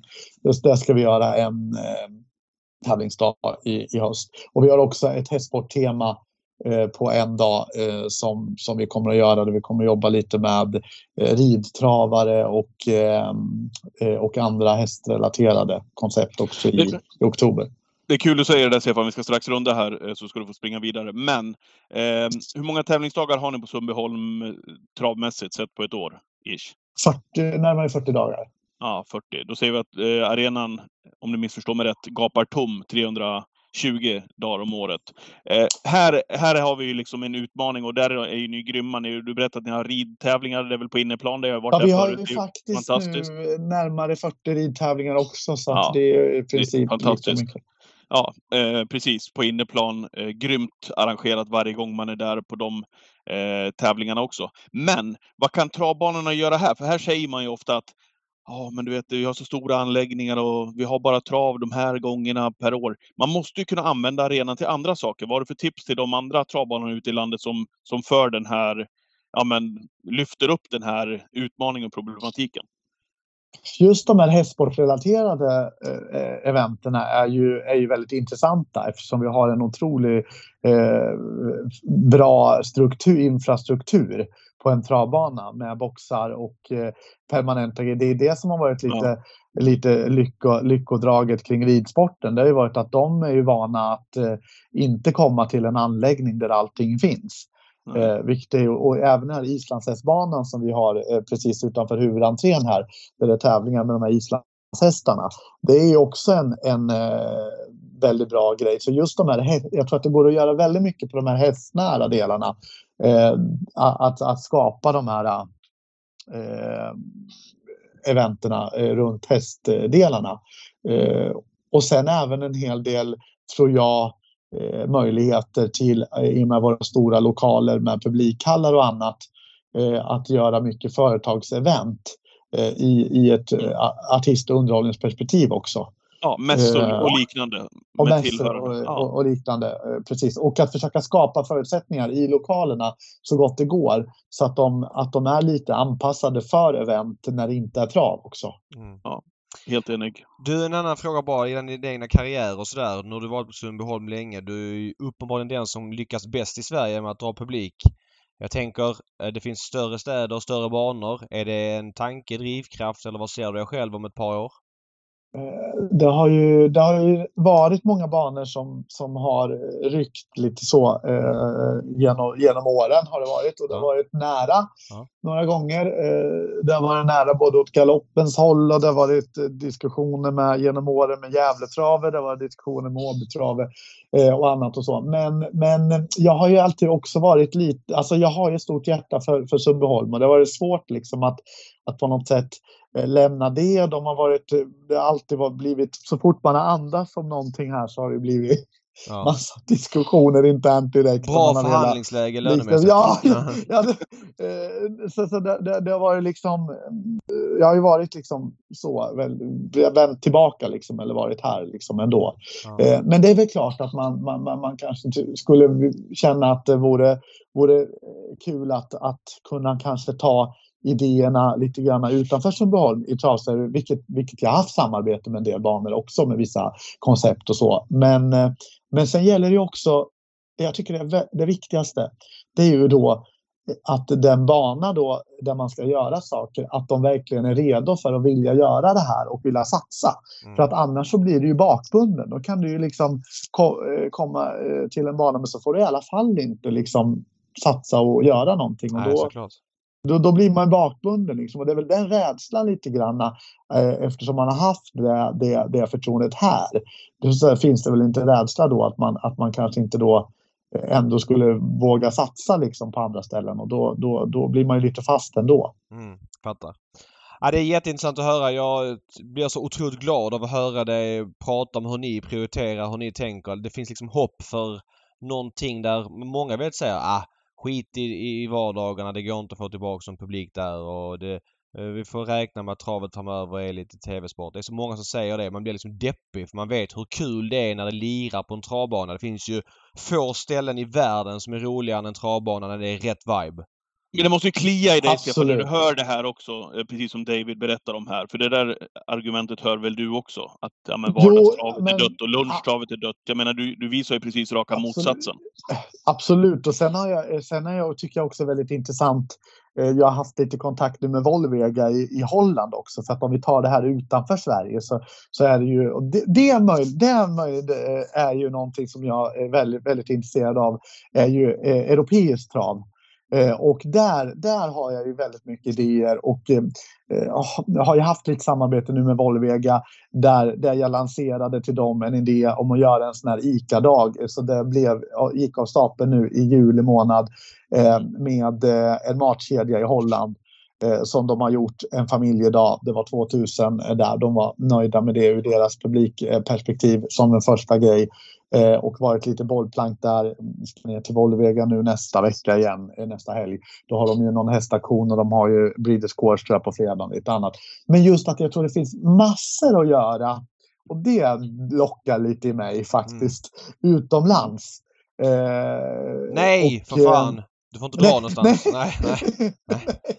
men, men, men där liksom, eh, tror jag, för där jobbar man väldigt lite i många länder med, med event överhuvudtaget. Alltså jag har ju varit en hel del nu i Italien sista två åren. Eh, också på trav mycket. Eh, hade satt och åt middag med Andrea Gussinatti här när, jag var nere, när det var Eurovision nere i Turin. Så, så var, jag, eh, var jag hemma hos Andrea en kväll och, och vi satt och snackade om italienskt trav. Liksom. Och, eh, och där är det ju liksom, händer det verkligen ingenting på travet eh, på, på, på eh, travdagarna. Det är liksom inte, inte mycket event överhuvudtaget. Eh, så att jag tror att utomlands finns det en hel del att, att göra. Men, men sen är det Italien är ju språket ett problem. Eh, där pratar man ju helst eh, bara italienska. Mm. Eh, så att, då är det lite svårt. Men, men ja, Ja. det är väl liksom lite dr- framtidsdrömmen kan man säga. Ligger Ja, det är bra. så Det är bra. utomlands. Kan övriga banor lyssna här? Att, eh, Ja, ja, ja. Ja. det är som en uh, arbetsannons det här känns som. Nej, men det är Ja. jättekul att ha med dig Stefan. Eh, hoppas vi ses. Du, alltså Ja, ba, bara din entusiasm får mig, ja, får mig nästan att, Ja. vilja förboka den här British Crown-helgen bara för sakens skull liksom. Ja, men ni måste ju vara på plats nu Ja. hörni. Det måste Ja. vi fixa här Ja. nu. Jag vill se er på Breeders Ja, Crown-festen i år. faktiskt. Faktiskt. Det, det, det känner jag att man måste stötta. Stefan vill också se David på mannekäng. mannekäng. Eh, nej, det Ja, kanske varför inte? Det, Nej. varför inte? Nej. Ja, Patrik är mer sugen på det. Han är ju en modeguru så att, eh, ja. Ja, Ja, ja, han ska, han ska sälja också. Ja. Vi reder ut det Ja. efter programmet, ja, som man ja, brukar säga. det. Ja. Men toppen Stefan. Tack så mycket för att du var med. Lycka till med dina event så håller vi connection. Ja, Toppen. tack snälla. Tack, tack. Tack. Hej, hej, Tack. hej, hej, hej. Tack, hej, hej. Ja, vad härligt. Vi har pratat mycket om det här i podden. Nu fick vi också Stefan Eriksson eh, hos oss och lyssna också till hans tankar och idéer hur man kan utveckla eh, publikfrågan på eh, de svenska travbanorna och även nu han har jobbat här under en tid. Det är väldigt spännande att lyssna på. Ja men alltså folk måste ju börja ta till sig av det här nu från centralt håll liksom. Han säger själv Stefan, han är ju ganska diplomatisk men är själv inne på liksom att ja, nu kanske jag får skit av lite kollegor och så vidare. Det säger ju väldigt mycket om hur mycket bakåtsträvare och eh, folk på ledande positioner som inte förstår hur viktiga de här frågorna är. Spelet nu eh, man har gått all in på spelet från, från SDs håll liksom att det ska bära. Det går ju rätt mycket ner mot förra året. Jag tar bara ett exempel. Jubileumspokalen igår. Eh, V75 tappar 4 miljoner i omsättning. V5 Uh, ja, men 25 procent. Uh, dagens dubbel tappar 15 procent. Vinnare plats Trio Tvilling komb i jubileumspokalen 35 procent i den poolen. Så det är ju ganska stora tapp. Nu går ju ATG bra på kasino och sport. Men det är travet som är kärnan och om vi går all in på den här grejen och det inte lirar, vad har vi kvar då? Ja, ingenting. Förutom Sundbyholm som har publik på sina tävlingar. Så att här måste man ju ta till sig och lyssna. En bana gör en grej lite annorlunda än alla andra och det funkar. Då måste man ju fatta, okej okay, då kanske det är den banan som vi ska titta lite mer på hur de jobbar. Mm. Du har varit på Solvalla i dagarna två. Eh, aktion i tisdags. Jag följde den mm. på nätet. Jag följde även tävlingarna igår på Solvalla, givetvis, hemifrån. Men du har varit på plats, David. Kan jag få en temperaturmätare eh, på på, på Solvalla här de här dagarna från dig? Ja, om vi börjar med aktionen i, i tisdags som vi då i podden hade samarbetat med. Eh, det var väldigt välbesökt. Eh, mycket folk på stallbacken under visningarna och under kongressen. Det var ju riktigt bra tryck på kongressen. Det var ju bättre service än vad det är på en travdag. Det var snyggt uppdukat med härliga champagneglas och snittar och sådär när man kom. Eh, maten serverades eh, ja, men där någonstans i början av att utropen var igång. Det var en kort paus. Per Skoglund och eh, Patrik Wickman var grymma som ciceroner. Eh, väldigt varmt var det i lokalen men det är kanske svårt att göra någonting åt där och då. ja. Eh, jag gillar ju servicen man hade i slutet. Det kanske var 35 nummer kvar. Då tog man en paus och bjöd alla på korv. Eh, korv med bröd. Det var ju längre kö till korv med bröd-kön än eh, det var till ja, stordagar på vissa banor i form av publik. Vet många som vill ha korv bröd. Enkel grej att göra som gör att folk piggnar till. Visst, nu finns det ett självändamål att folk ska piggna till och inte såsa till och bjuda på hästarna. Så att, absolut, men det är en ganska billig grej som gör mycket för servicen. Grym service i kongressen. Jag hade en skittrevlig kväll. Det fanns ju några minus. Det var, det var lite teknikstrul. Eh, hemsidan funkar inte som... Det var hög belastning. Det är ju inte bra. Och man fick avbryta aktionen några gånger. Jag stördes inte av det för att det är skönt med lite pauser. Man kan snacka med dem vid bordet. Men det är klart att det inte är bra att det blir teknikstrul. Det var ju ett minus såklart. Och så en sak till. Det gjorde att det drog ut lite grann på tiden. Eh, så de som... Eh, hade aktionen slutade lite senare än förväntat. Eh, de som köpte sista hästen för, jag tror det var den här årshästen för 2,7 eller 2,8 miljoner. Mm. Eh, direkt efter det så stängde man ju ner. Fick de ingen jubel tänkte jag säga? Nej, nej men så här. Det var eh, SRF Stable, alltså Lennart Ågren som köpte hästen. Han var inte på plats själv men Magnus Rundgren som jobbar där eh, ropade in den. Mm. 2,8 miljoner. Efter det så tog auktionen slut och vakterna, var, då stängde det. Det är inte bra att en kille som köper en häst för 2,8 miljoner inte får sitta ner och dricka upp sin champagneflaska man just fick för köpet. Eh, den grejen måste ju lira liksom att... Ja, jag fattar att det är försenat men då måste man ha lite feeling att okej, okay, nu var det ju en rutinerad hästköpare som inte själv var på plats men Tänk dig med ett gäng som går ihop och köper häst för 2,8 miljoner och vill jubla lite och dricka lite champagne och smälta köpet. Nej, ut ur lokalen för nu ska vi städa här. Den grejen var inte helt lyckad liksom. Mm. Men det blev ett resultat av att aktionen förmodligen blev lite senare med tanke på de tekniska avbrotten. Ja. ja, men eh, det såg härligt ut i alla fall när man satt och följde eh, aktionen ifrån, ifrån dataskärmen också. Eh, tävlingsdagarna på Solvalla, jubileumspokalen, vilken här, vad härligt det måste ha varit att känna eh, atmosfären kring den här tävlingsdagen. Eh, när jag slog på TVn där också. Det första jag slogs av var att det var folk på elläktaren. Ganska så skapligt med folk faktiskt. Det var flaggor upphängda. Det var mycket folk längs staketet. Och, då, och en sån här ljummen, det vill säga man får en sån här ljummen augustikväll, eh, så kändes det Ja, men det kändes riktigt härligt faktiskt att vara på Solvalla. Mm. Eh, nu var ju inte du där men 3170 personer var där igår. Mm. Eh, enligt eh, ST var det 4388 2019, alltså senast man körde helt restriktionsfritt. Eh, det är ju tapp men det är inte lika stort tapp som många andra dagar. Det kändes ändå ganska besökt. Det var fullt. Det var nästan fullt i kongressen. Eh, det var väl typ fullt i bistron. Det var okej okay med folk på Ströget. På uteplatserna var det fullt. Framförallt längs med bankant och på Strögets uteplatser. Eh, sen så var det mycket folk i tältet i sista sväng som Margareta Venus Kleberg hade hyrt och hade sina mm. anställda typ i och samarbetspartner. Sve Ekonomi hade tält, ett mindre tält som var fullt och Pershing eh, i sista sväng var också fullt. Det är klart att man vill ha mer publik men det kändes bra. Det kändes som en välbesökt tävlingsdag. Mycket applåder från elläktaren. Bra sportsliga prestationer som hyllades. Jag tyckte det var en bra publikupplevelse som kändes trevlig så att jag är nöjd med, med det. Mm. Jag har inget att, att klaga på. Det enda var man hade en pianist i kongressen som spelade. Det var ett bra initiativ att testa det men hennes ljud drunknade liksom i allt annat ljud som fanns. Högtalarljud och så vidare. Så att där fick man liksom ingen riktig effekt på att hon spelade med loppen. Det känner väl jag spontant. Mm. Uh, men bra försök. Man provade någonting. Uh, ja. Jag tycker jubileumspokalskvällen, eh, om man jobbar med ännu fler bitar, kanske som Stefan Eriksson var inne på här, eh, ännu fler bitar, alltså att göra upplevelsen ännu bättre för de som kommer dit. Jag tror att jubileumspokalskvällen är framtiden faktiskt. Alltså en onsdag kväll eh, i augusti, i fint väder. Vi har inte så många sådana eh, kvällar faktiskt. Det är ju Åbergskvällen light rent ja. publikmässigt och sådär. Eh, samtidigt är det lite knepigt. Många hade skolstart idag. Eh, svårt att... Eh, ja, men det är jobb dagen efter. Det är svårt att festa vidare som man kanske kan göra på en lördag mm. eh, när det är V75-tävlingar.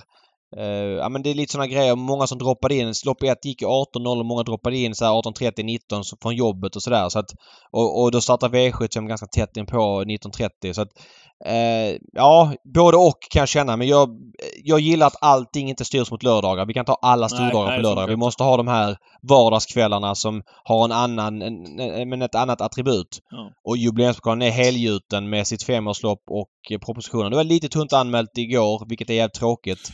Säger, kan den ligga i kalendern? Nu tänker jag spontant här bara, eh, någon vecka tidigare när folk, fler folk i alla fall har semester? Nej, Nej, det kan inte för då blir det för nära Åbergs och Eh, nej, den ligger helt rätt.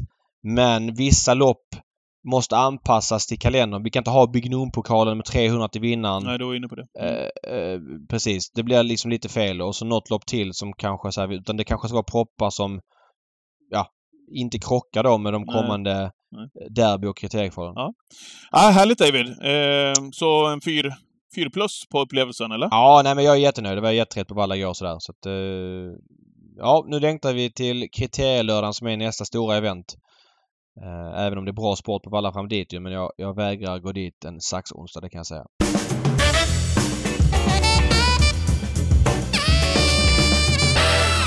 Och en liten längre podd än vanligt ska avsluta med eh, det vi alltid har i varje podd, eh, nämligen veckans hiss och diss. Eh, och eh, David, du ska få dissa. Jag dissar och eh, vissa saker är uppenbara och givna eh, och svåra att komma runt. Jag hade själv inte pluggat till Åmål i söndags. Jag spelade inte över helt och hållet. Jag såg inte ens loppen. Men när jag nåddes av vad som hade hänt att två tekniska strul gör att man eh, blåser till omstart efter att starten har gått två gånger i rad. André Eklund hade skickat sin favorit X-Tour eh, båda gångerna och, och, kände att han inte ville gå ut en tredje gång så strök sin häst vilket jag helt och hållet förstår.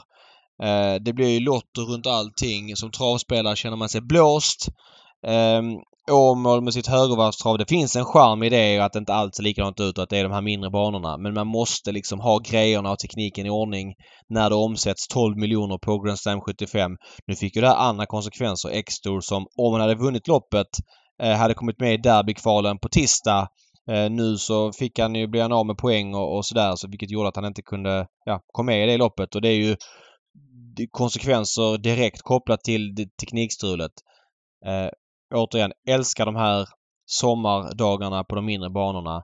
Men grejerna måste fungera. Men jag, och, tror inte han blev av med eh, poäng, David. Nej, han blev inte av med poäng nej. och han fick inget startförbud men han, hade han vunnit loppet så hade han fått poäng för att komma med. Mm. Okej. Okay. Ja. Jag fattar. Eh, nej men tekniken ska väl vara i ordning oavsett vilken bana man är på, men jag, jag hörde det. Jag var ju på Åmålstravet själv ju. Jag var ju där. Men... Mm. Eh, men du kom lite senare? Ja, jag kom lite senare. Jag kom något lopp senare där och då hörde jag att det hade varit halv cirkus där innan. Eh, men eh, i övrigt kan jag säga, eh, om vi bortser helt och hållet från det där, från din diss, så är det ändå jäkligt härligt att se så mycket folk på en sommarpärla en söndag.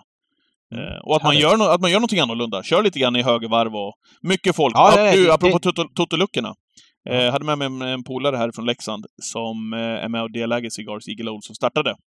Mm. Och eh, vi konstaterade båda två att det var eh, många luckor som var öppna. Många. Eh, köades eh, enormt till de där luckorna. Man såg vilken publik som var där och vilket, eh, vilken nytta de hade av att luckorna var öppna den där söndagen. Ja. Okej, eh, ska jag eh, hissa då? Ja. Konstaterade bara när jag satt och följde auktionen att eh, det är hästar som köps till Amerika från Sverige. Eh, det är ju några stycken här. Det börjar bli en liten trend i det där. Den dyraste hästen är från Marcus, köpte ju Marcus Melander. Det var en Green Show-häst. Eh, föga överraskande kanske. Med tanke på Den jag nämnde för övrigt, en av våra reklamspottar som en Ja. jag tyckte såg fantastisk ut. Vilket hästöga jag har Patrik. Jag hittar auktionens dyraste häst. Mm, det Vill gjorde du inte jobba mer med mig som inköpare av hästar på Ja, auktion? och jag blir, jag blir imponerad. Alla hittade den innan, innan, innan auktionen. Men du, hur som helst så den gick för över 3 miljoner. Longfellow heter den. Köptes av Marcus Melander till USA då.